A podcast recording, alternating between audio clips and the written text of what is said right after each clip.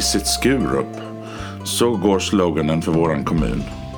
Även om många bara snabbt kör förbi vår vackra kommun på E65 så är det en kommun som kan ge så många fantastiska upplevelser. Allt ifrån fantastisk mat och dryck till vackra slott och spännande museer. Vi har endast hunnit med några smakprov av vad man kan uppleva här, så fler program om Skurup lär komma. Häng med på en resa vid sidan av motorvägen.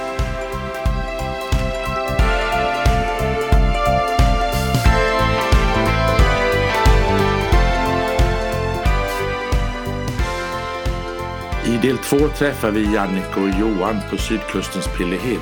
Ett fantastiskt brasseri, vinbar och hotell i Östra Vemmenhög, bara några kilometer från havet, där de berättar om hur allt började.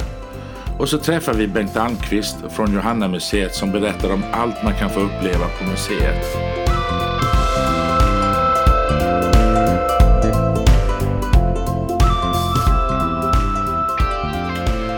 Jag träffar Jannike och hennes man Johan som driver sydkustens Pillehill åt den verkliga chefen Quintus, deras dalmatiner, som inte lämnar någon gäst oberörd. Sydkustens Pillehill är ett fantastiskt brasseri, vinbar och gårdshotell bara några kilometer från havet. Vi sitter i vinbaren och tar en kopp kaffe medan vi spelar in intervjun. Som ni hör i intervjun får vi besök både av chefen Quintus och några av de andra som jobbar på Pillehill medan vi sitter och pratar.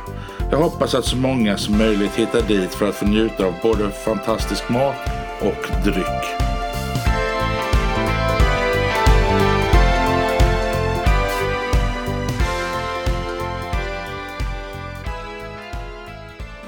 Tack så mycket för att jag fick komma hit. Jo, 2014 var jag nere och kollade på hus för att flytta från Stockholm till, till Skåne. Mm. 100 meter härifrån ett av de husen som jag var och tittade på. Men då fanns inte ni. Hur kommer det sig att ni startade en fin restaurang mitt ute i landet i Skåne? Ja, eh, egentligen var det ju en, eh, att vi just hamnade här var en slump. Vi ville göra någonting annat i livet och bodde då mitt inne i centrala Malmö och kände att vi eh, ville jobba med vår passion som är mat och, och dryck. Eh, lokalproducerad sådan gärna. Och att det blev just här på Pillehill, det var nog en, en lyckosam slump därför att dels var ju huset till salu när vi började leta och dels så eh, efter att ha åkt omkring och tittat i allt ifrån Kullahalvön, Västra Blekinge, Österlen, överallt så så hittade vi det här stället som väldigt vackert, eh, lite up and coming. Eh, här eh, kanske en liten svart fläck på kartan när det gäller etablering. Här finns mycket potential att växa. Eh, och här är ju väldigt naturskönt, nära till havet, öppna, vackra ytor. Så att, eh, och vi letade aktivt efter hus med vasstak och det hittade vi här.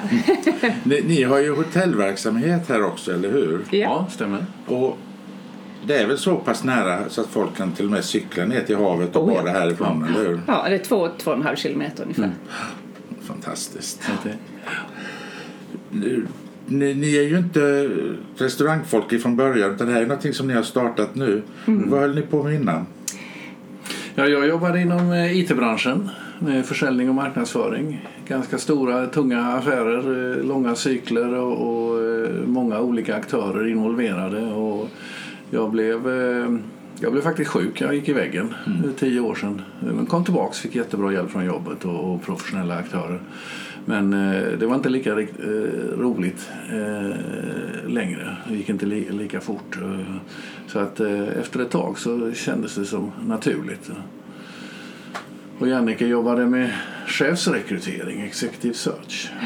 Jag jobbade över Norden, framförallt inom life science. Och Eh, visserligen eh, trevliga jobb och bra löner och mm. vi kunde resa men det var inte kanske där vår själ låg. Eh, så nyårsafton 2014 eh, vi hade jobbat jättemycket den hösten. Eh, vi bara bestämde oss, nej vi orkar inte umgås med en människa till. Eh, tog vår älskade hund med oss ut i landet, lånade ett hus och ja, under några dagar åt gott, drack gott. Och då satte vi oss ner och funderade på är det verkligen det här livet går ut på? Eh, och så började vi titta på varandra, men om vi inte skulle göra det vi gör, vad skulle vi göra istället? Mm. Vad älskar vi att göra? Och vi älskar att hålla på och laga mat. Vi älskar gott vin och är väldigt intresserade av det. Det har varit en, människor, den sociala biten. Ja, och det har varit en, en, en dyr hobby kan man väl säga ja. i många år. Uh, och då tittade varför gör vi inte det då? Mm. Och det var nyårsafton. Uh, I slutet av mars hade vi skrivit kontrakt på detta huset. Och i april flyttade vi in. Mm. April 15 då va? Ja. Mm. Så nyårsafton 2014 tog det ungefär. Jag hade försökt eh, återskapa det här skeendet. Tre och en halv timme från ja. vi sa vad sören håller vi på med? Ska det här vara vårt liv till vi går i pension eller trillar av pinn?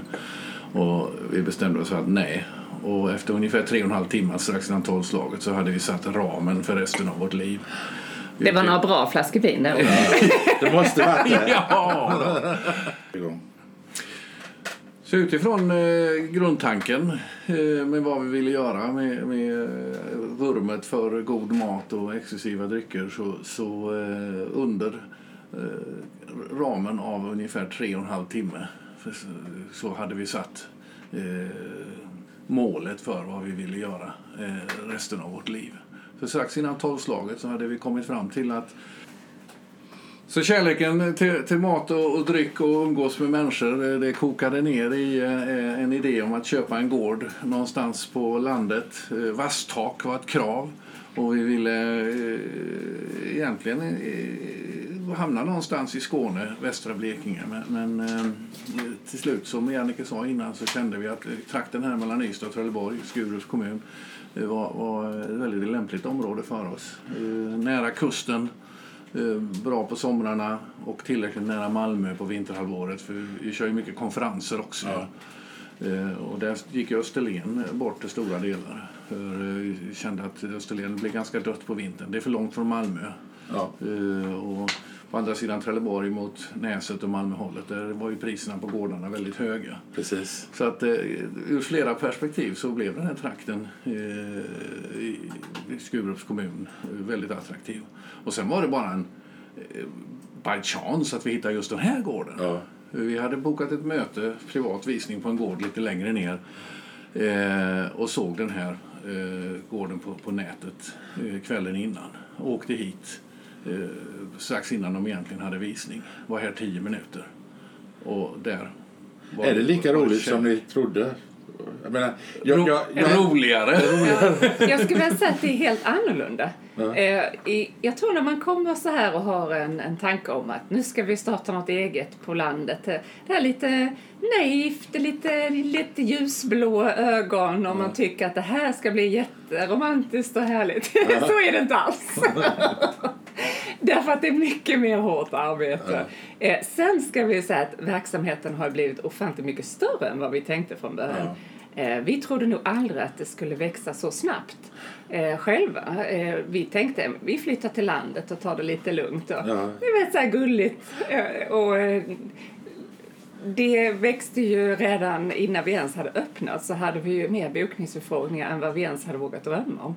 Eh, och sen eh, har ju framförallt restaurangdelen vuxit mm. oerhört mycket mer. Vi, när vi startade hade vi fyra rum och eh, vi hade en, en restaurangdel som tog ungefär 15 personer. Idag så tar vi med lätthet 50 personer i restaurangen och vi har 36 bäddar just nu. Vi är fyra gårdar ja. i hotellrörelsen. Eh, Pillehillgården och sen så hyr vi tre gårdar till. Så det, det som jag tror är den stora skillnaden eh, det var att från början så kanske den här naiva drömmen och fantasin eh, visade sig inte alls vara för mycket mer hårt arbete ja. och mycket mer myndighetsregler och sånt. Men eh, när man sen liksom hade kommit över den här första chocken bara, herregud vad har vi gjort? till, till att faktiskt, oj vad har vi gjort? Det här var ju kul. Eh, så har det ju vänt till, till att vi, nu har vi ju eh, nio året runt anställda. Vi är ju 15-16 anställda på sommaren. Vi har ju en helt annan verksamhet. Det verkar ju som att ni har en väldigt familjär... Alltså när jag läser, när jag läser eh, hemsidan om er Aha. Så jag får ju bilden av att, att ni är en stor familj, alla Ja. som jobbar här. Ja, det hoppas vi att vi alla känner. Ja, och så vill vi ju ha det på något Ja. sätt. Och, och vi gör ju ingenting som Jannik och jag inte kan skriva under på. Nej. Det var en kommentar här om sommaren när någon kom med någon idé att ja, men gör ni si eller så så kommer ni attrahera mycket mer folk. Ja. Ja, så har jag tänkt ett tag att det är möjligt att det hade varit jättepopulärt men, men det är inte vi. Vi skapar ett ställe, en miljö som vi skulle vilja komma till om vi åkte på ett motsvarande ställe. Eh, Och, och det här med det familjära, är jätteroligt att du säger det för Ja. det är precis det vi har i bastanken i allting. Eh, och, och personalen eh, är familjen Pillehill tillsammans Och med just oss. det här att det ska vara fantastiska viner, det ska vara bra råvaror i maten och vi hoppas ju att folk tycker att den är, är god och det ska vara mysigt men, men det ska inte vara uppnäst. Nej. Det ska inte vara snobbigt utan det ska vara det bästa kommentaren vi får det är egentligen när gäster eh, lämnar och, och checkar ut och ofta får vi en kram och säger åh det känns som att vi har varit hemma på fest hos någon. Ja, ja. Och Det den det ju. känslan, den är väldigt härlig. Den vill vi alltså. Man ska känna sig avslappnad. Men det måste ju vara en förändring att, att laga mat hemma och laga god mat hemma är väl en sak, men att kunna förvandla det eller omvandla det till en restaurangverksamhet där du har liksom- Ja, det är ju en helt annan logistiktank. ja, ja, precis. Ja. Alltså, logistiken är ju helt annorlunda. Du lagar mat på eh, ett helt annat, med helt annat tänk. Du måste tänka processer på ett helt annat Ja, sätt. precis. Eh, Det är klart i början, när vi själva, de första två åren var vi ju helt själva. Ja. Då hade vi inga anställda alls. Och det, det var ju nervöst de första middagarna. Jag tänkte, åh, hur ska detta gå? Men eh, man lär sig. Ja. Eh, Och uppenbarligen nu så har vi ju varit igång i snart fem år och det har ju gått väldigt bra. Så. Grundtänket är, är detsamma, för smaksättningen är, är, är, och kreationen är det viktigaste. Ja. Eh, Och sen när man, man har satt den rätt eh, och ska producera den, då, då kommer ju mer logistik restaurangtänket in. Ja, men men att utifrån Jannikes kunnande om viner, hon basar ju för över, vad är det nu, över 500 viner, Ja. olika sorters viner här nu. Så alltid så utgår vi från vinerna, ett gott vin som Jannike tar fram och så tillreder vi rätterna utefter det språket vinet talar. Och är och den, den kreativa processen i det är ju jättespännande och jätterolig. Det, det är inte lätt, Nej. men det är jäkligt skoj. Ja, det Men det är också det här att nu är jag ju både den som sätter menyerna och, och sätter vinerna. Och det är ju, det är ju både för och nackdel. Det är ju, man diskuterar bara med sig själv. Så att, Men samtidigt så gör det att jag kan ju eh, jag kan ju alla vinerna i huvudet så att säga. Ja. Eh, Så jag vet ju vad de smakar och hur det passar och jag bygger oftast rätten här inne i skallen så att säga. Och sen eh, blir det ut till tallriken en helhet. Jag får ju alltid fota av etiketterna på saker, saker jag gillar för jag kommer ju aldrig ihåg namnet på dem. Ja. Men det är bra minnesstöd. Men jag, ja, och det är det ju. Jag är ju sådär lite sjuk att jag kan ju komma ihåg ett vin jag drack för flera år sedan och exakt hur det smakar. Så det är ju någon sorts nördighet i det. Men jag tror det i vissa aspekter är det en stor fördel att inte vara restaurangskolad. För du har inga skygglappar. Utan det är smakerna, det är texturerna, det, det, det, det är liksom det kreativa. Och, och, sen spelar det ingen roll vad man har lärt sig på restaurangskolan att det, det en rätt ska göra si och så, si och så. Krävs det en, en viss extra ton av någonting då tar man in det och det kan vara någon ingrediens som är helt tokig i folks ögon. Ja. Men som passar jättebra i smakerna. Ja, precis. Eh, Så det har ju varit med eh, kockarna här som, som eh, när, vi, när vi står och förbereder framförallt Jannike tar diskussionen och kockarna säger det här går inte. Nej. Jaha då, säger Jannike, nu provlagar vi och så smakar vi och så sippar de lite på vinet och så, åh jäklar, det blir ju bra! Ja, de har lärt sig. ja, och sen har vi ju haft med, med, med eh, kockarna och framförallt Göran då som, som, som eh, eh, väldig hjälp utav att skapa rutiner, logistik runt omkring själva processen i att, att, att sen eh, göra de här rätterna vi har, vi, har, vi har tagit fram till att serveras ute på bordet för 50 personer. Ja. Men framgången måste ju vara, vara väl nästan helt och hållet beroende här på att folk pratar väl. Folk som har varit där pratar väl om Ja, det. det är väldigt viktigt det här mun till mun. eh, Och vi har eh, tack och lov också väldigt många återkommande gäster. Ja. Eh, Så att och, och många av dem, eh, nästa gång de kommer, tar de kanske med något annat kompispar eller... Ja, alltså så det sprider Ja. sig. Vi fick en stor bokning här nu på en stor 50-årsfest här när vi öppnar igen för säsongen. Och, och det var ju därför att eh, två kompisar till dem har varit här innan och till, ja men det är klart ni ska åka till Pillehill och ha Ja, en fest. Och, så att det, det, den eh, spridningen är ju den absolut bästa reklamen du kan någonsin få. Och den kan du aldrig köpa för pengar, den måste du prestera för. Så att, Jag, jag ser ju att ni har samarbeten med, med eh, vingårdar och sånt. Ni, Ja. Det var några som, gårdar som har kommit hit och skulle visa upp sina viner Ja. och, och sånt här. På. Hur, hur är det mycket samarbete restauranger sinsemellan här? Och, alltså, Ja, kanske inte, inte just restauranger till restauranger. Vi skulle ju gärna vilja se att det blir mer utav den eh, varan. Eh, vi nätverkar jättegärna. Eh, dels för att vi är intresserade utav, av överhuvudtaget eh, vår del av näringen i, i, i närområdet. Eh, mest handlar det ju då kanske om, om eh, producenter av en eller annan sort. Eh, Bönder som producerar eller vinmakare. eller- vinmakare, Ja. ölbryggare och så vidare. Men just samverkan med restauranger, där ser vi att det är... Där kan man nog bli bättre i hela branschen. Mm. ja. Att man hjälps åt att stärka ehm, det handlar om hela besöksnäringen. Som turist, om du vill åka till ett ställe, så du tänker ju inte på eh, vad ska man säga, bara det hotellet du ska bo på eller bara den restaurangen du har bokat. Du vill ju ha en upplevelse. Du kanske vill åka och fika på eftermiddagen och sen ha lunch någonstans och så kanske du vill åka och bada eller få massage eller Ja, vad det nu kan vara. Du vill ha en helhetsupplevelse. Och där, där tror jag att eh, gästerna söker eh, mer än bara ett ställe när de åker någonstans. Ja, de vill ha en, en helhet. Och kan man då hjälpas åt och, och visa att det finns en helhet på den platsen, det tror jag alla vinner på. Och där ser ju vi bara... In, eh, där ser ju inte vi bara till vår del av, av verksamheten utan, utan till he, gästens helhetsupplevelse. Framförallt på sommarhalvåret så kanske det är gäster som bor här eh, en vecka eller tio dagar eller någonting sånt där.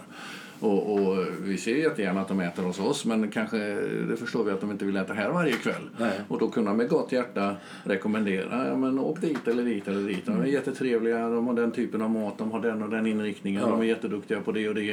Eh, så gästen känner att de blir väl omhändertagna och, och, och får eh, information från oss som gör att deras helhetsupplevelse 24 timmar om dygnet blir så bra som bara det bara och ni har ingen lunchservering egentligen? Nej, det har vi inte. Där behöver ju en gäst också kunna... Precis. Vi har ju helt valt bort det. De första åren hade vi lunch och insåg vi serverar frukost fram till 11 och sen eh, lunchen direkt och sen kommer middagsserveringen så vi höll på att jobba ihjäl oss. Så att eh, vi har skippat lunch. Eh, och sen eh, då istället så, så försöker vi rekommendera andra ställen man kan Ja. åka till. Eh, och hitta då bra alternativ som Det- du kan stå bakom. Sanning med viss modifikation. Vi, vi, vi kör luncher eh, för förbokade sällskap. Ja, Eh, konferenser s- s- och så. Konferenser, födelsedagar, Ja. eh, söndagmiddagar och, eller söndagsluncher och sådär. Men, men vi, vi har inte allmänt öppet. Nej, nej. Utan det är bara på kvällstid. Ja. Jag har förstått att det finns en chef här som eh, kanske eh, går på fyra ben. Ja, Den riktiga chefen. Den ja, riktiga chefen. ja.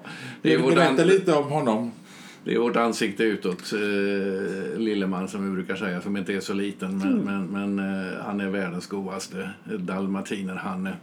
Eh, och, och vi, det är viktigt för oss att visa att vi har hund Ja. eh, och att vi är hundvänliga. Många av våra gäster har hundarna med sig. Och också för de som kanske är superallergiska eller väldigt hundrädda, att de vet det så att då precis. kanske man inte ska välja oss på grund av det. Då. Men, men eh, Quintus tar alla till sitt hjärta och alla tar Quintus till sitt hjärta kän- känns det som.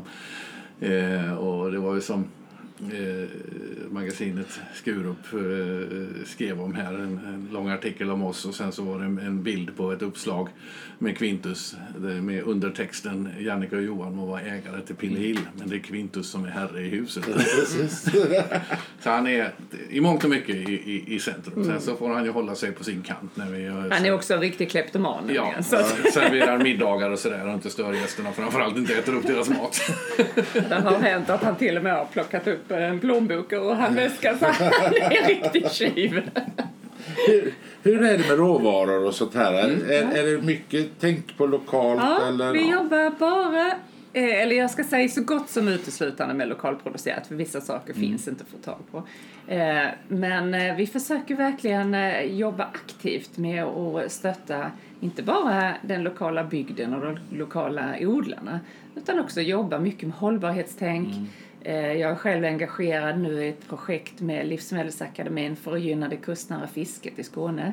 Eh, Där vi håller på att titta på hur ska vi bättre kunna hjälpa våra lokala fiskare med att ta hand om den eh, fiskerifångsten som kanske inte alltid är bara torsk och, och det här vanliga sill utan a- andra typer av råvaror. Och försöka också visa våra gäster att eh, vilken andra typer av, av fisk och, och, eh, och eh, produkter från havet som vi kan äta och laga av.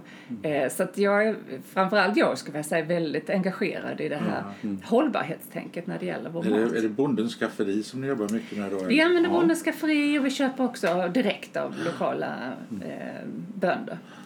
Eh, så att det är någonting som ligger oss varmt i hjärtat. Och det gäller även drycken, så det är Ja. inte bara maten.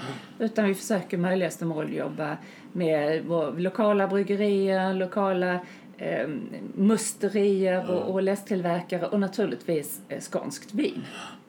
Går, går det att göra riktigt bra vin i Skåne? Ja, det Oh, ja. tycker jag. Oh, ja. Det tycker jag.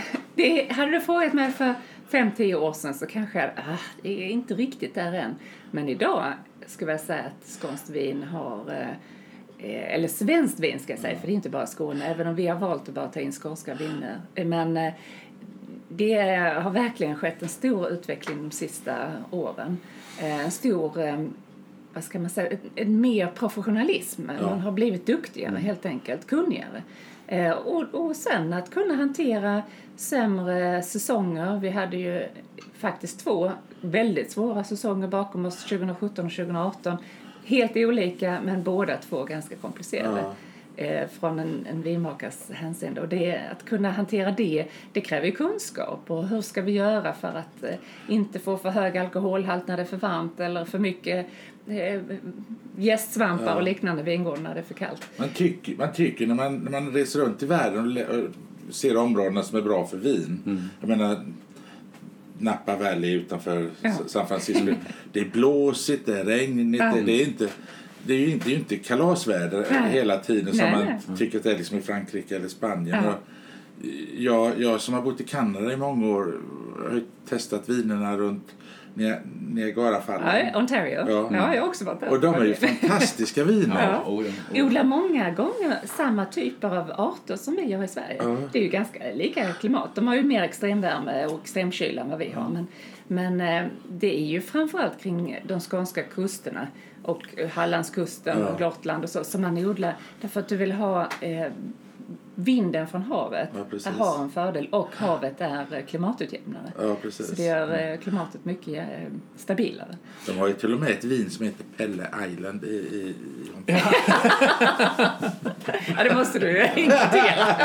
Ja, men det, är, det är så roligt också som Jannica är inne på här att sven- svensk vin och framförallt skånsk vintillverkning har, har ju eh, blivit, eh, tagit väldigt stora steg de sista åren och, och en av vinmakarna här på Hällåkra berättade att de hade besök från några internationella eh, vin, vinexperter eh, som fällde kommentaren att, att eh, svenskt vin, eh, producenterna har gjort sin egen grej. Från början försökte man ju kanske efterlikna Ja. andra typer av viner. Men har kommit fram till att nej, vi gör på vårt sätt. Så internationellt sett så har ju svenskt vin vuxit till att vara svenskt vin. Inte en lookalike. Nej. Och det Och tror jag är en det går ju de viktig... facto en hel del svenskt vin på export också. Bland annat till den japanska marknaden. Det hade jag ingen aning om. Ja. Jo, det är det är, jätteintressant. och jag, vi kan ju också se att vi har haft en del... eh, Jag håller ju mycket vinprovningar eh, och, och gillar att, vad ska man säga, att dela med mig i, i min passion kring vin Ja, och ja. att eh, visa också vad det finns för bredd kring vin. Och vi märker att de gånger jag har haft vinprovningar med svenska viner så är de oftast väldigt välbesökta och stort intresse. Och vi har ju en winemakers dinner nu när vi öppnar för säsongen den 14 februari med eh, Felix Ornberg från Kullabergs vingård. Eh, och den är redan väldigt bokad. Så det, det finns ett stort intresse. Eh, man är nyfiken på svenskt vin. Eh, vi har ofta i våra vinpaket mi- åtminstone ett svenskt vin med. Ja. Eh, för att liksom lyfta fram det lokala så mycket det går. Det är väl, det är väl, det är väl den här att du, du inte får ta med det. Alltså att du inte kan åka till vingården Ja. och, och handla vinet eller åka till väldigt- mikrobryggeriet Ja. och handla flaskan där. Att gårdsförsäljning är inte tillåtet. Nej, det, är väl, det gör det väl svårt Ja. för dem Ja. egentligen att... Nu är Att det ju kunna på tjäna väg, pengar. nu är det ju på väg eh, politiska förändringar. Att, att, att eh, förhoppningsvis inom några år bli, bli en förändring där i. Eh, Det går ju lite grann upp och ner i diskussionerna. Men vi hoppas ju på att det, det kommer att bli tillåtet. För det, det, och det är att stärka näringen, Ja. stärka bryggerierna och, och vingårdarnas ekonomi. Att, att eh, kunna sälja. För om de kan tjäna några kronor extra så kommer det ju göra att de kan investera och, och bli bättre arbetsgivare och de blir lönsamma företag. Det vinner alla på.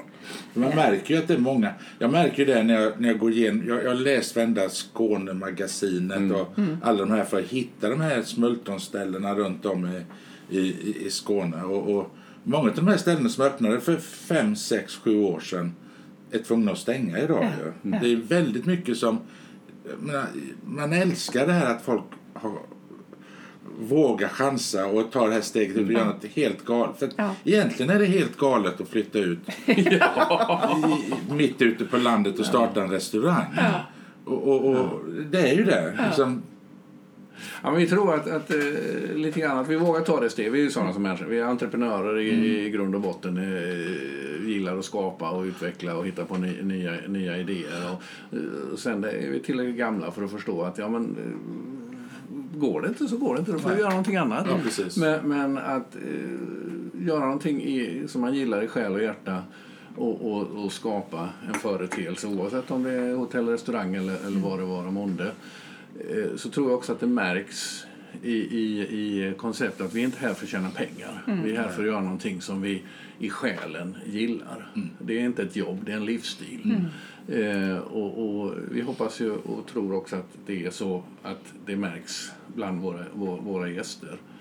Eh, och därmed sätter vi också ett, ett märke som gör att även om det blir lågkonjunktur så kommer vi att ha en, en, en eh, förmåga och en attraktion att, att eh, attrahera eh, gäster i framtiden. Vi är ju snarare i det läget nu att vi kommer bygga ut Ja. här i vinter. Och det ska vi ju byta vasstak och det har vi ju planerat länge. Det ska bli väldigt skönt med ett snyggt, fint gult vasstak. Eh, Men eh, då tänker vi samtidigt att bygga ut restaurangdelen för vi har för liten serveringsyta idag. Ja. Eh, Och eh, idag är det ju ett, ett hinder för tillväxt att vi inte har tillräckligt stor yta. Då kom du nu. det är bossen som pratar. Ja, duktig du är.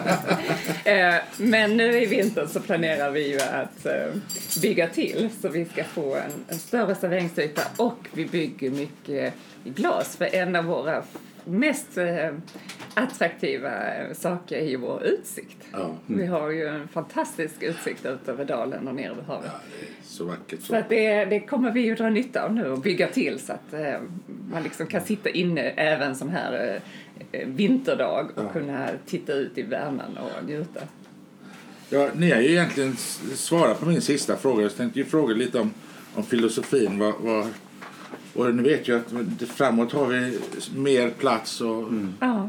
Och sen är, har ju vår målsättning varit sen vi startade ehm, det är ju att vi vill vara en av eh, Skånes bästa vindestinationer.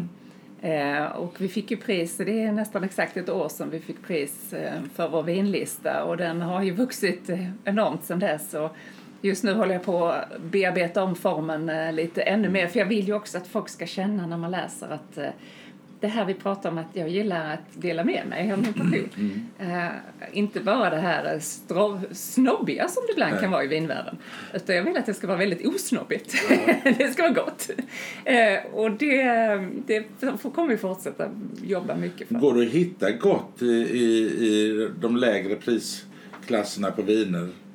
Ja, det går. Sen ska jag ärligt säga att eh, du kanske inte hittar de billigaste vinerna här. Nej. Utan det är väl snarare så att jag köper bra vin eh, men att vi har rimliga påslag istället Ja, för att eh, du ska ha råd att köpa och dricka bra vin.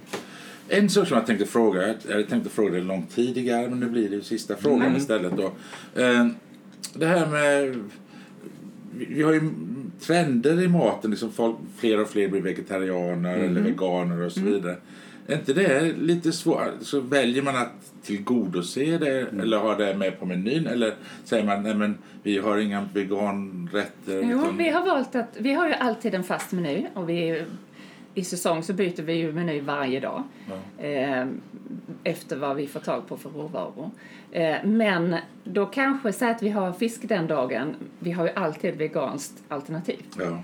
Eh, Även om det inte kanske framgår på menyn så finns det alltid både veganska och vegetariska alternativ. Och det, det måste man ha idag om man ska hänga med. Vi skapar rätterna utifrån eh, möjligheten att snabbt kunna göra om dem. Så får vi en beställning där någon är vegan eller vegetarian så, så vi, har vi plan för att den här rätten med vissa justeringar, eh, byta ut basproteinet, eh, så kan man servera den eh, som grundtanken är med rätt smaker och, och, och rätt texturer. Eh, men att, att då ha, ha gjort om den från, från grund, grundmenyn till att passa vegetarianer Det är ju samma att vi lagar, jag ska säga 99% av all mat är laktosfri i grunden. Eh, vi lagar i princip allting glutenfritt. Eh, Det enda vi inte är glutenfritt är ju, vi bakar ju allt bröd själva. Eh, och då bakar vi istället glutenfritt. Så att vi försöker tänka redan från början Ja. att det ska vara enkelt för eh, olika allerg- allergiker Ja. och intoleranser. Nöt, och... nöt, nötallergi är ofta Ja. förekommande så det, därför är ju, är ju eh, nötter eh, någonting som vi sällan eh, använder i, i vår, vår matlagning till exempel. Men det, det måste ju vara, det måste ju vara svårt att, att liksom tillgodose allting och ändå kunna laga gott och läckert. Ja. Och, och, Det är klart att eh, idag är ju, i, jag skulle vilja säga hela besöksnäringen, så är det här med specialkoster ett problem. Och jag tror att många, inte minst kanske större konferenshotell och liknande, börjar se att det är en skenande merkostnad. Eh, som jag tror att det kanske till syvende och sist kommer bli att branschen inser att man måste börja ta betalt för.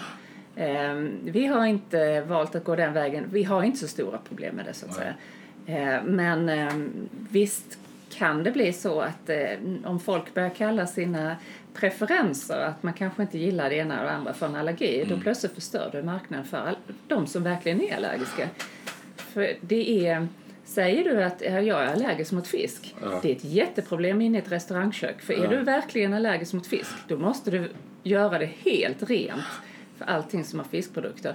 Än om du egentligen menar, jag gillar, gillar inte fisk. Nej, precis. Då är det inte så... Det är en väldig nyansskillnad Ja. för ett restaurangkök.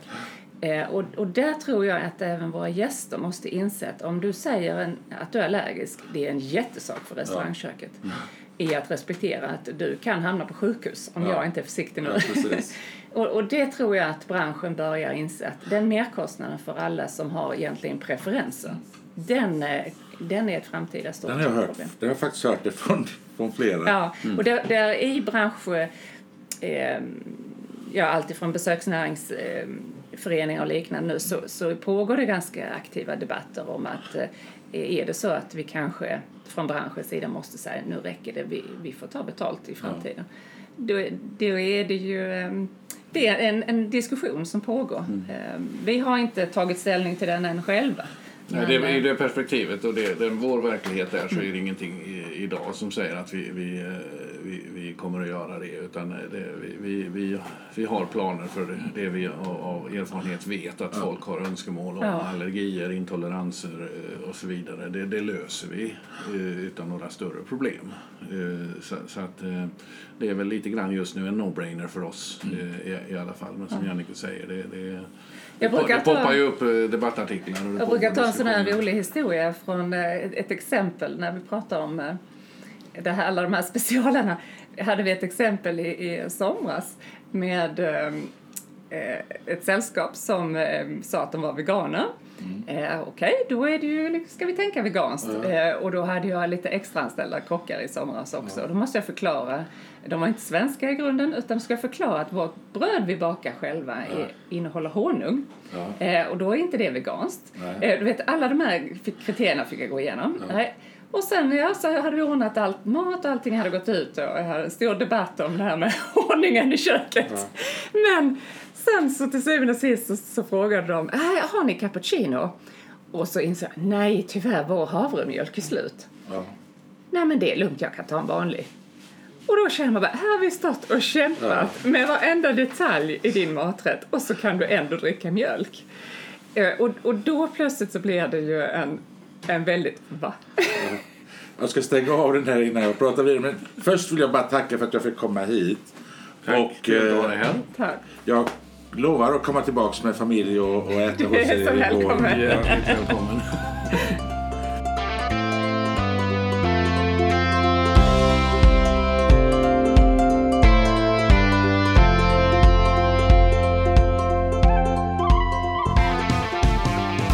En rätt blåsig och kall januaridag träffar jag grundaren av Johannamuseet, Bengt Almqvist. Jag får en privat guidning genom hela museet innan vi sätter oss ner för att prata. Bengt öppnade museet baserat på de saker som Bengts far, Manfred, han samlade ihop. Och maken till samlare, det har nog Skurup aldrig skådat. Det finns så mycket grejer inne på museet. Från olika epoker och allt får fortfarande inte plats att visas upp utan ligger och väntar på att få sin dag i museet. Johanna museet är ett perfekt ställe att åka med barn och barnbarn för att visa upp hur livet såg ut när man själv var liten. Bengt är lika full av berättelser som museet är fullt på saker. Och fler av båda varorna kommer det bli nu när det växer till sig med ännu ett rum.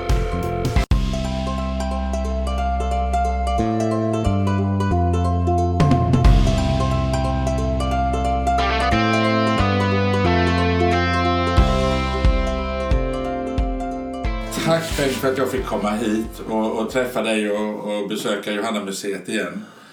Du, första gången jag kom in i museet så tänkte jag, vad är detta? Det finns ju precis allt. Kan du berätta hur museet kom till? Eh, det kan jag göra. Det var en, eh, en bil som är orsaken till alltihopa. En T-Ford från 1914 som eh, min far Manfred Almqvist han inköpte 1952. Hittade den i Halmstad på en gård. Den stod i en lada full med hö och halm och höns och allting. Tog hem den och renoverade den. tog ungefär ett och ett halvt år. Under den här perioden så funderade han på vem kan ha mer intressen av gamla bilar och så där vidare. För det fanns inte samlare på det viset som har utvecklats sedan. Så gick han med i Stockholms T-Ford-klubb. För det var ju naturligtvis folk som hade samma intresse som var med där. Och då så sa de du är mycket välkommen som medlem men det är så att i vår klubb så måste man ha namn på bilen. Vilket då gör att han eh, funderade och så blir det Johanna som är ett gammalt släktnamn i vår släkt. Vi har dopkläder från 1850 där den första som döptes i den var en Johanna och som har använts sen vidare i släkten. Och då blir det så att eh, det här namnet eh, satte vi på museet utav den anledningen att den här bilen Johanna är den som har varit med mest och samlat in det som finns här. Han använde den så fort han skulle ut och träffa folk för det var mycket lättare att komma i en gammal bil istället för en ny. Du berättade för mig att det, det är inte Manfred, din far, som öppnar museet utan det är du. Men det är han som började samla för museet. Alltså, han, han, man kan säga så här att han samlade aktivt under andra halvan av 50-talet och hela 60-talet. Sen så slutade han aktivt att samla och gick över och renoverade på heltid från omkring runt 1970. Och byggde, köpte denna marken. Vi diskuterade lite marker så för att kunna ha magasin för att eh, kunna ha samlingarna bättre. Vi hade det nere i Skurup i olika småförråd och han köpte en gammal buss och tömde ut inredningen och fyllde den med grejer. Och många utav de här förråden var inte utav bra skick. Det var inget bra för grejerna att ha det på det viset. Och då skulle vi ha en bättre form. Så vi köpte marken här. Han köpte två stycken militärbaracker för 5 000 kronor utav Hedbergs. Plockade ner dem bräda för bräda, slog ut spiken och satte ihop magasinen här igen. Det var grunden för förvaringen. Men han hade ingen tanke om att bygga museum. Men vi såg ju hans förmåga att renovera. Han gav sig ju inte förrän renoveringen var kommen i det skicket att det fungerar. Och det gjorde ju att vi såg ju hans kunskap, hans envishet.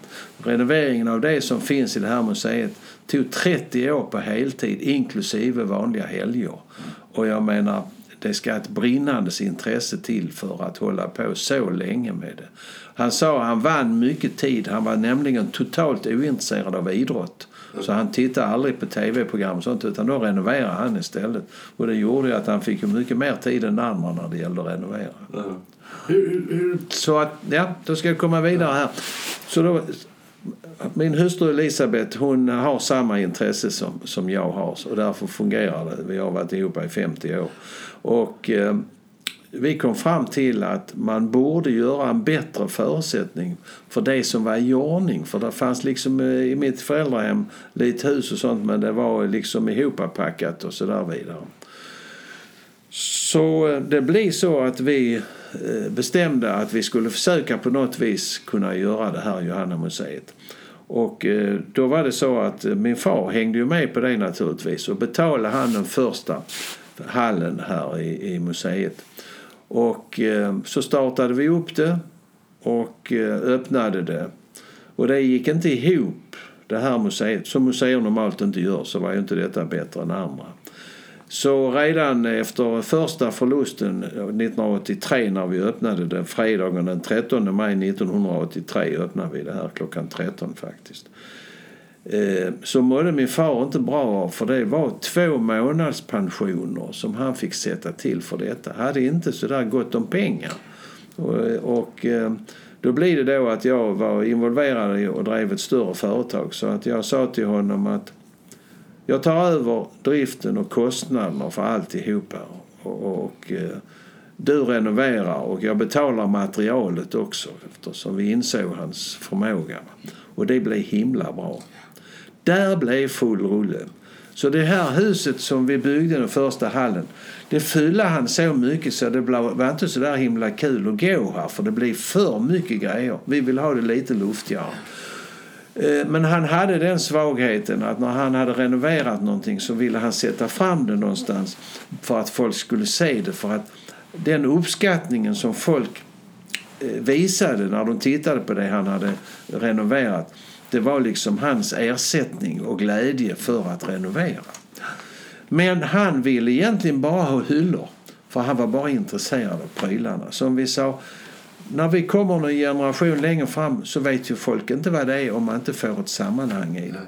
Så vi började bygga så kallat små butiksdelar som, så att man gick och tittade i skyltfönster och så där vidare och gjorde som, som olika, ja man kan säga som butiker, alltså olika teman i det. Och då tyckte han att det var ju onödigt att lägga pengar på sånt. Men så kom ju folk och så sa de till honom så trevligt ni har gjort här. Ni har gjort miljöer så att det är lite lättare att se det och man förstår det bättre. Så, så när det hade gått ett par veckor när folk kom sen så säger min far Ja, och här har vi byggt miljöer för att bättre överskådliggöra det som finns här. Så att han köpte ju det naturligtvis. Ja, självklart. Så i och med han fyllde på det så byggde jag nästa hall 1990. Ja. För då rev man stora magasinet Trelleborgs hamn. Så jag var och köpte då eh, stommen med takstolar och allting sånt där. Och så byggde vi en hall till.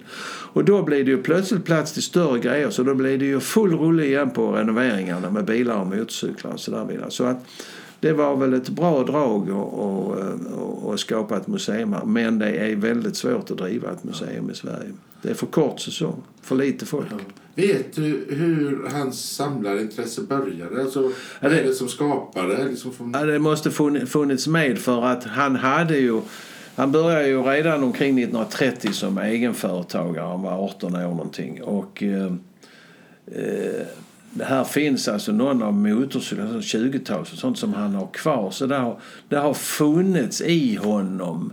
Jag menar varför blir folk samlare? Vi har ju mellan, jag tror minst 20 procent av svenska folket samlar. Ja.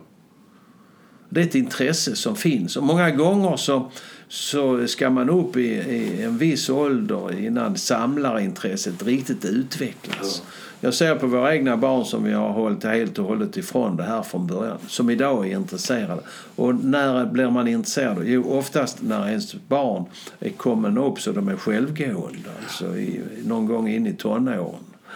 Och då kan man börja odla sina egna intressen.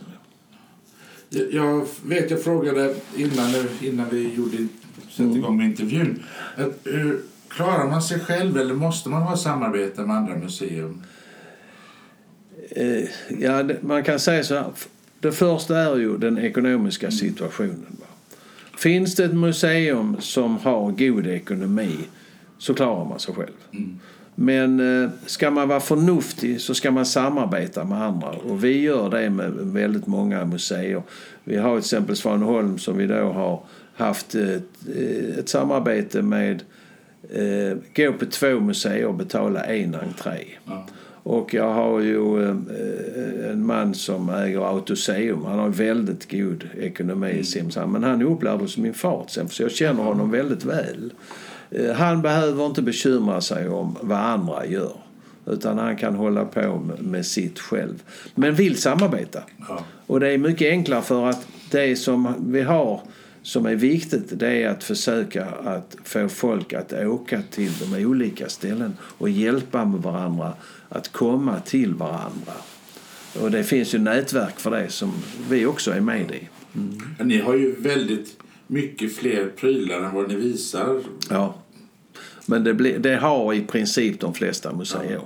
Men du har vissa, vissa delar av det här museet är statiska. De ser ut likadana hela tiden och sen har ni tema. Ja. Och det är ju utav den anledningen att en lanthandel som den som vi har som är från Jugend, alltså i början på 1900-talet. Den går ju inte att förändra för den visar ju hur en butik var. Ja. Så det är ju inte mycket att förändra. Det som händer där i förändring det är ju att det tillkommer förpackningar med jämna mellanrum. För det finns många av våra besökare som i sin ungdom och kanske även när de var äldre har jobbat i lanthandel. Och det betyder att de har förpackningar som står hemma som är från den tiden. Och sen så plötsligt när man blir äldre så säger man, frågar man sina barn, är det här någonting som ni vill ha? Nej. Och då blir det så kommer så här, vill du ha den här paketen? Ni har ingen sån och den kan stå där. Så har, har man varit och kollat här redan liksom i det. Så det är ju riktigt att det finns ju, vi har ju många yrken här också ju. Här är ju då damfrisörska och bilverkstad och smed och vagnmageri och så vidare. Och där kan man inte förändra så mycket. Man kan göra eh, däremot trevligare informationer omkring det och så där vidare. Eh, utan eh, vi försöker hitta temautställningar istället varje år så att man får något nytt. För vi har många besökare som kommer ofta. Och därför så eh, måste man göra någonting så att vi får dem att återkomma. Ni har ju samma utställning, specialutställning i år, 2020, som ni hade 19. 19. Ja. Och som handlar runt eh, 50, alltså för 50-60 år sedan. Man kan säga strax före och strax efter 60-talet. För det var ju en period. Eh, eh, det fanns ju eh, en stor utveckling, inte minst i Sverige, runt det här på, på 60-talet och eh, på slutet av 50-talet. Som väldigt många kommer ihåg. Där, eh, kläder till exempel, det orangea och det gula och Ikea kom med möbler. Här kan man provsitta då soffor och möbler från 60-talet. Eh, det hände, TVn kom. Jag menar 1958 exploderade försäljningen i Sverige på TV. Och varför det då? Jo, då kom mannen hem till hustrun och så frågade han henne. Du, ska vi inte köpa TV? Och då funderar eh, hustrun på vad det var för fallgrop i det. Jo, det var att 1958 var det VM i fotboll. Då var den stora starten på försäljning av tv i Sverige. Jag jobbade nämligen i en tv-affär för, i början av mitt liv arbetsliv. Så att eh, det kom ju mycket kassettspelarna och eh, rullbandspelarna. Radion utvecklades mer. Telefonen kom. Eh, 1974 försvann ju den sista eh, telefonväxeln i Sverige. Sen blev allting automatiserat. Mobiltelefonen kom i början på 70-talet. Och Ja, det var väldigt mycket som hände under de här åren. Och där finns väldigt mycket minne hos folk. Möbler och kläder och så vidare. Ja. Jag försöker, jag försöker berätta för mina barn. Jag, jag är ju född på 60-talet. Ja, ja, ja. Jag, jag, försöker berätta om hur, hur livet var när jag växte upp Mm. till skillnad mot hur det är idag. De, det är ju ett helt annat, Ja. helt annat liv. Vi har ju då satsat mycket på att eh, titta på hela familjen när det gäller att besöka här. va. Och det gör ju att eh, får man barnen att tycka det här är kul så får man föräldrarna också eh, att trivas i det här huset. Och vi blev 2017, då gjorde Radio Malmöhus så här. En morgon så sa de i sändning ni som lyssnar, kan ni inte skicka in på Facebook vilket museum som ni tycker är mysigast och trevligast att gå på? För barn och vuxna ihop.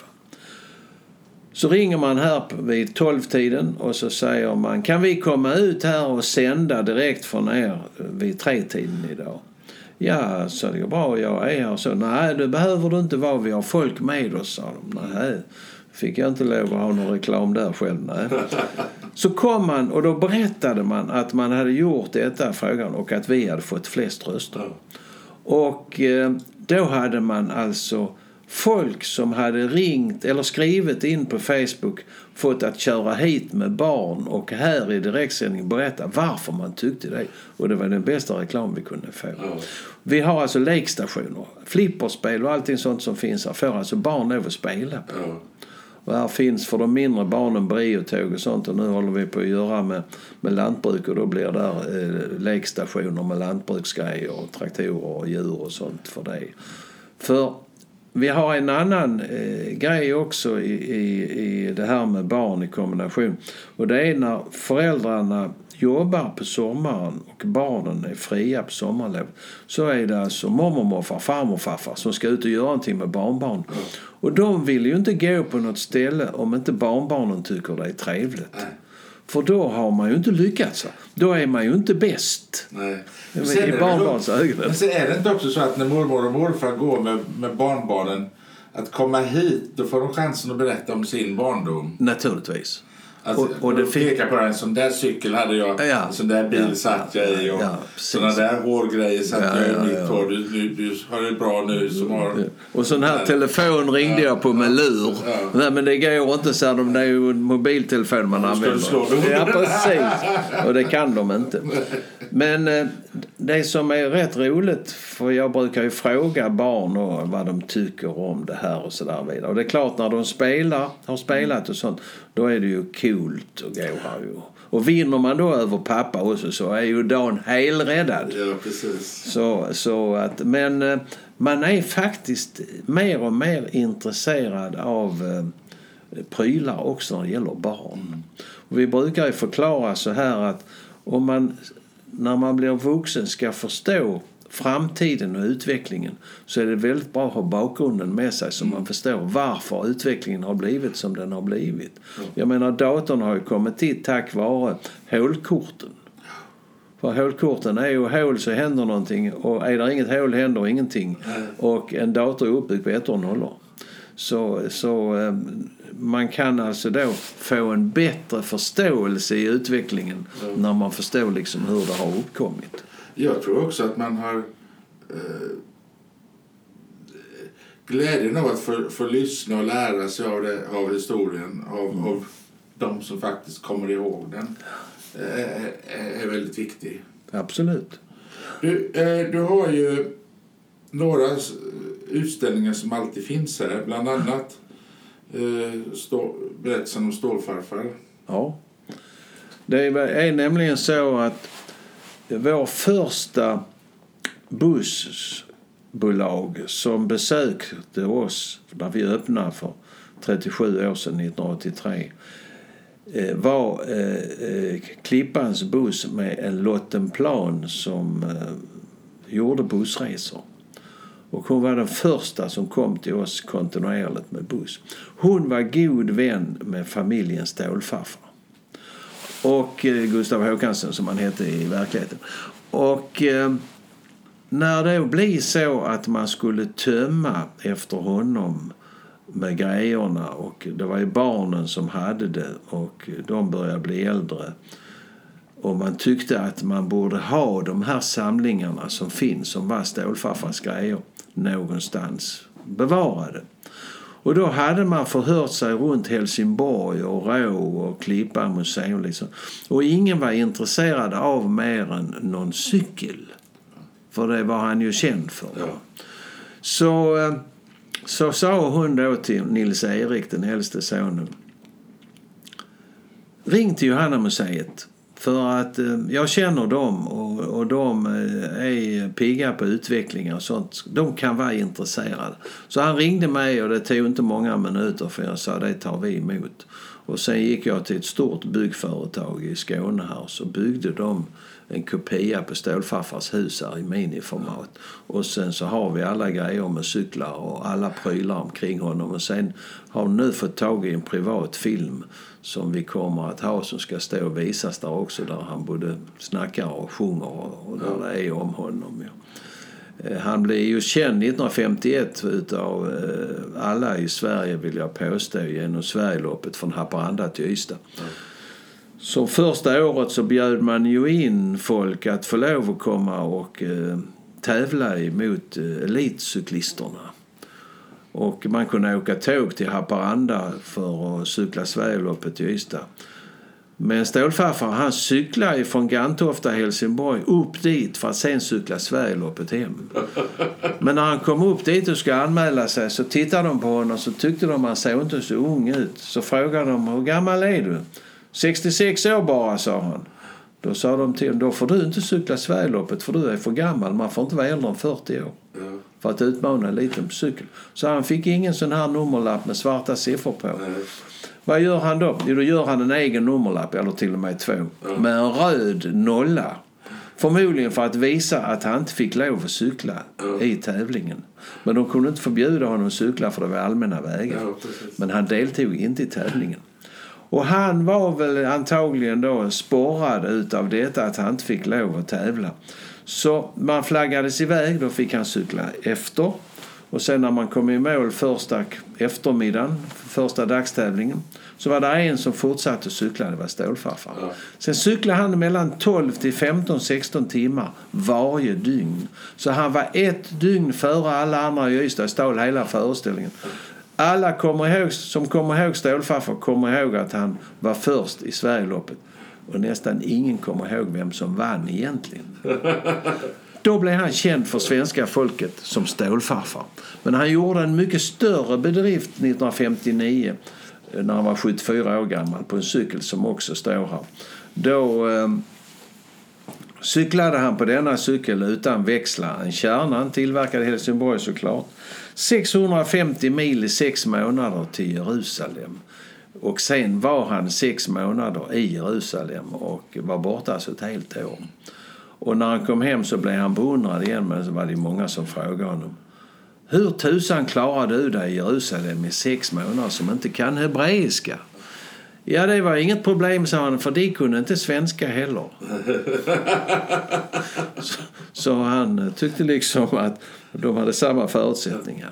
Ja. Det är konstigt hur man klarar sig genom Europa. Man egentligen inte kan något annat språk än sitt eget. Nej, men det betyder att skånskan är ett världsspråk. Ja, precis.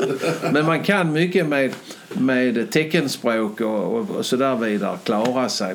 Han var ju smart på det viset att i varje land som han cyklade igenom så cyklade han till en huvudstad. Mm. För där fanns en ambassad.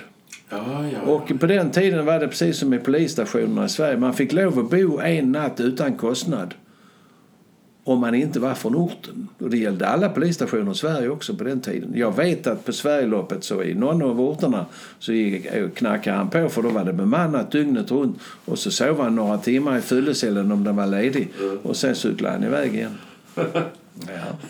Du, eh, ni har ju en hel del rekvisita från Hasse och Tage-filmer. Ja. Eller ska man säga att det är väl ni som hade den och lånade ut den till Hasse och Tage-filmer? Ja, vi, ja, precis. Ja. Alltså, de, eh, på något vis fick de reda på att eh, samlingarna fanns här.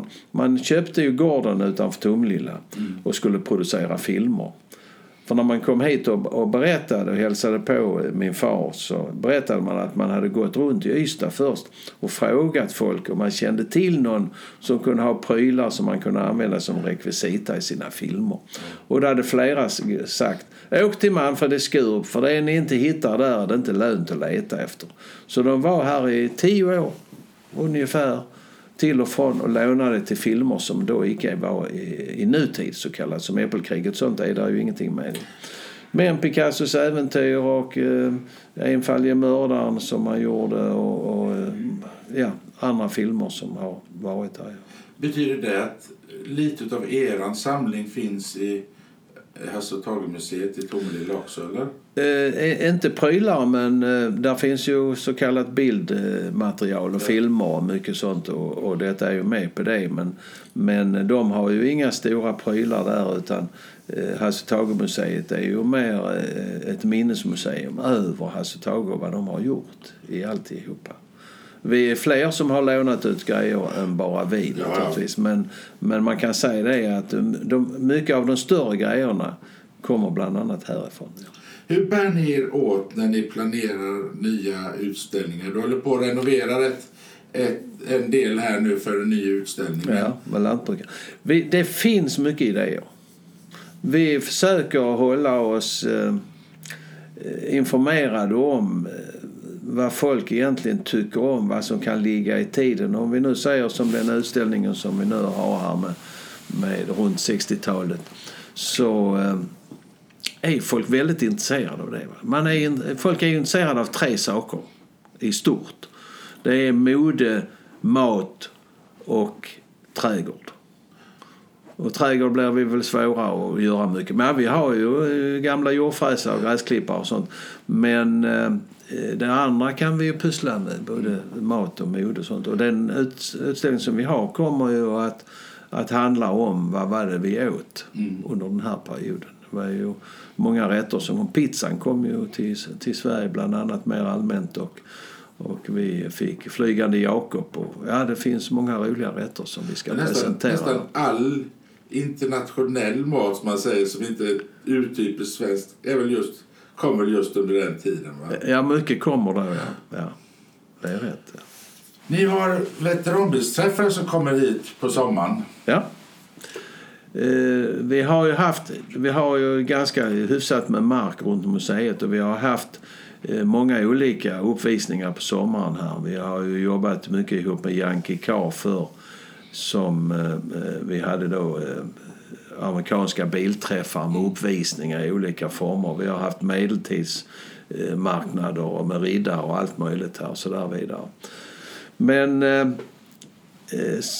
det har ju då spritt sig med bilträffar. Man kan idag, kan man säga, från 1 april till den sista september så kan man varje dag någonstans i Skåne åka på en bilträff. Den har blivit väldigt utbredd. Och då fanns det en förening som heter Route 101 som har hållit till i Anderslöv.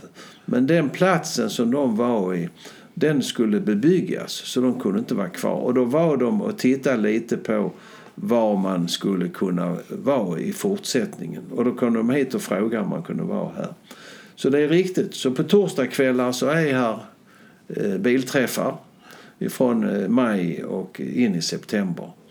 Och eh, om det blir var eller varannan det vet jag inte för man har vissa eh, samarbeten med Smyge också som gör där. Så jag tror man skiftas om så att man kan åka på en bilträff varje torsdag men om det blir här varannan gång och Smyge varannan gång det, det vet jag. Sen är det traditionen med julmarknad på Johannamuseet. Ja, vi har haft sen vi, året efter vi öppnade museet, alltså år två, vi hade redan första året hantverkare här på sommaren som gjorde, stod och tillverkade lite grejer som man, som man då hade lärt sig och var intresserad av. Och då ställde de frågan till oss om vi inte kunde göra en julmarknad för, för oss hantverkare som de sa. Så vi kallar den för Hantverkarnas julmarknad, så den startade då. Och det är riktigt, vi är nog en av de få julmarknaderna som vi också har rätt mycket som det händer på. Då tänker jag inte med musik och sånt utan vi har en smed som står och arbetar i smedjan. Vi har en bagare som bakar bröd, 32 stycken i, på gammalt sätt i bagarugn som vi eldar upp tre dygn innan vi ska baka i den. Va? Här är spettkaksbakare som eh, bakar på äldre sätt över vedspis. Vi har Gorönsbakare och så vidare där. Snapssällskapet berättar vad man ska krydda för snaps till helgerna. Sen har vi då... Men ingen, men ingen provsmakning där va? Eh, Inte, inte i glas så. nej, nej, men jag tror man kan ta lite på fingret. Men eh, sen har vi då hantverkare, ett, ett, ja, ett 35-tal totalt som finns här. Det kravet vi har det är att man måste tillverka allting själv annars får man inte vara med. Nej. Så man kan inte boka plats för att vara med på julmarknaden. Man får ansöka om att få lov att vara med. här. Ja. Eh, sen så... Eh, det kom, ni håller på att projektera eller planera, ni håller på att ska bygga en del. Ja, vi har ju ett eh, magasin kvar i, i, av de som är kopplade till museet. Vi har ju flera magasin till men där håller vi på att tömma och göra om. Det är så att min far har ju samlat i ett och ett halvt magasin till lantbruksmaskiner. Och då en hel del som är tillverkade i orten här. Skurup är en gammal lantbruksort. Vi är ju mitt i Kornboden, Skåne ju. Och från 1875 till 1990 var här ungefär fem stycken lite större lantbrukstillverkare av maskiner. 1875 var Lövbergs till 1903 som tillverkade 9000 lantbruksmaskiner. Eh, mycket såmaskiner. Och sen köptes de upp utav en, en eh, bröderna Andersen, en annan som hade gjuteri också och gjöt trumlor och, och de som gjorde Schweizian som blev så känd som halmpressare och så vidare. Och då la man ju ner det andra för så var ju ett sätt att köpa ut konkurrenterna. Och de hade alltså nästan 90 anställda, nästan 100 anställda. Så blev de uppköpta utav Hakers som var en annan tillverkare och sedan så blev det Skurupsverken och så slutade med Överums bruk som hade 150 anställda här. Och 1990 så la man ner verksamheten och så hade man bestämt att verksamheten skulle vara kvar uppe i Överum. Ja.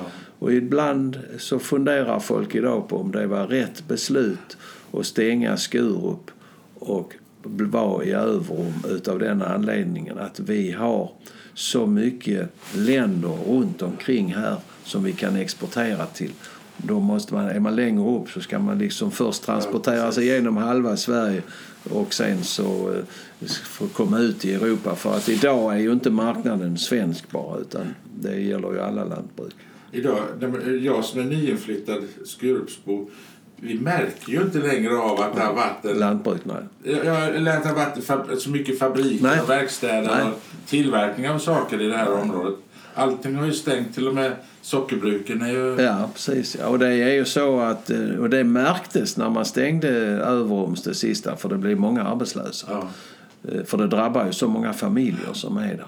Och det som ska ske här i, i, i den kommande hallen det är då att vi ska visa alltså lantbruket från begynnelsen, alltså från oxe och ardennerhästen och med allt handarbete som var i lantbruket. Och sen omkring 1900 så kom traktorn till hjälp och, och eh, även om man hade hästar och djur till hjälp under många år där så blev ändå traktorn ett redskap för de som hade möjlighet och ekonomi, ekonomi att kunna införskaffa det började komma olika maskiner och sen så när vi kommer in på 50-talet så började det bli större maskiner som man drog efter traktorerna och sen så på senare tid så är ju allting självgående och nu är det ju maskiner stora som hus som går på markerna så man märker liksom ingenting. Nej.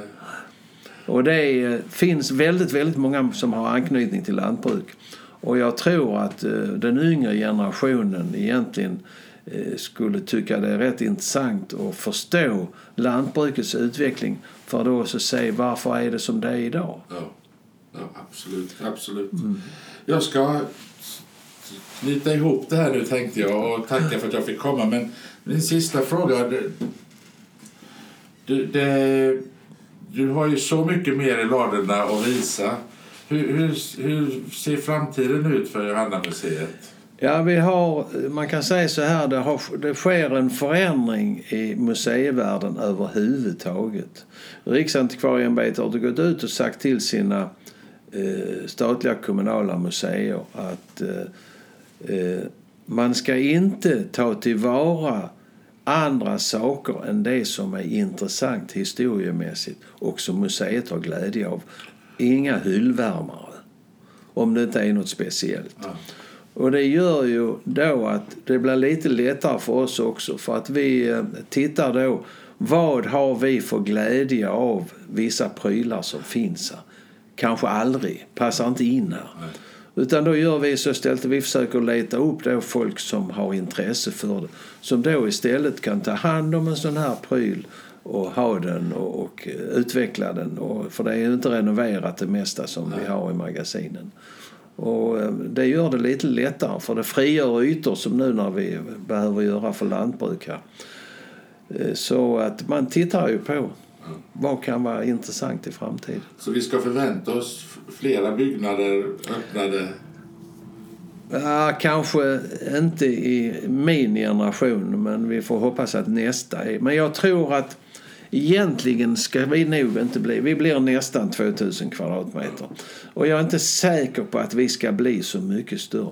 Vi ska göra oss mer intressanta i det vi har. Bli betydligt bättre, få eh, mer upplevelser när man eh, kommer hit som besökare så att man liksom känner att det här, fan vad det här var faktiskt lite kul att gå här man hör hur stora musikmaskinerna spelar och, och man får prova på olika saker och så vidare. Jag kommer ju, jag, jag kommer ju ihåg grejerna som man ser. Yeah. Mm. Mycket av det man går omkring och tittar på, inte bilarna för de, de är jag ju för ung för, men mm. mycket av det som man går omkring och ser det kommer man ju ihåg yeah. som liten. Man, man, mm. Det blir ju minnenas möte. Yeah. Yeah. Inte vad är det här för någonting utan Sen är det ju, det som är rätt bra egentligen det är ju då att om man tittar på den äldre tekniken mm. så är ju den som man kan förstå den. Det, det, så är ju inte dagens teknik. Nej. Och det är ju skillnaden och där gör ju det att många då, som vi säger mormor, morfar, farmor, farfar som kommer med sina barnbarn. De har ju använt de här grejerna. Och de tycker det är lite kul att kunna berätta för dem om hur man använde det och när man hade det och så vidare. För när de mormor och morfar kommer hem till barnbarnen så kommer läsplattan fram och då är det barnbarnen som berättar. Ja, gör man så här och så här och trycker där så där och så där gör de. Och så är det liksom en värld som man själv inte hänger i så, så, bra som man gör. Så det blir liksom ett ömsesidigt utbyte. Ja, det är fascinerande. Jag får tacka så mycket ja, ja, att jag fick tack komma. Själv. Tack själv.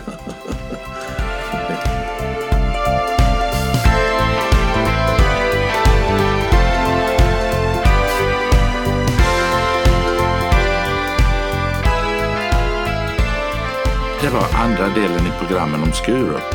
Om ni missat del 1 så lyssna gärna på det programmet också.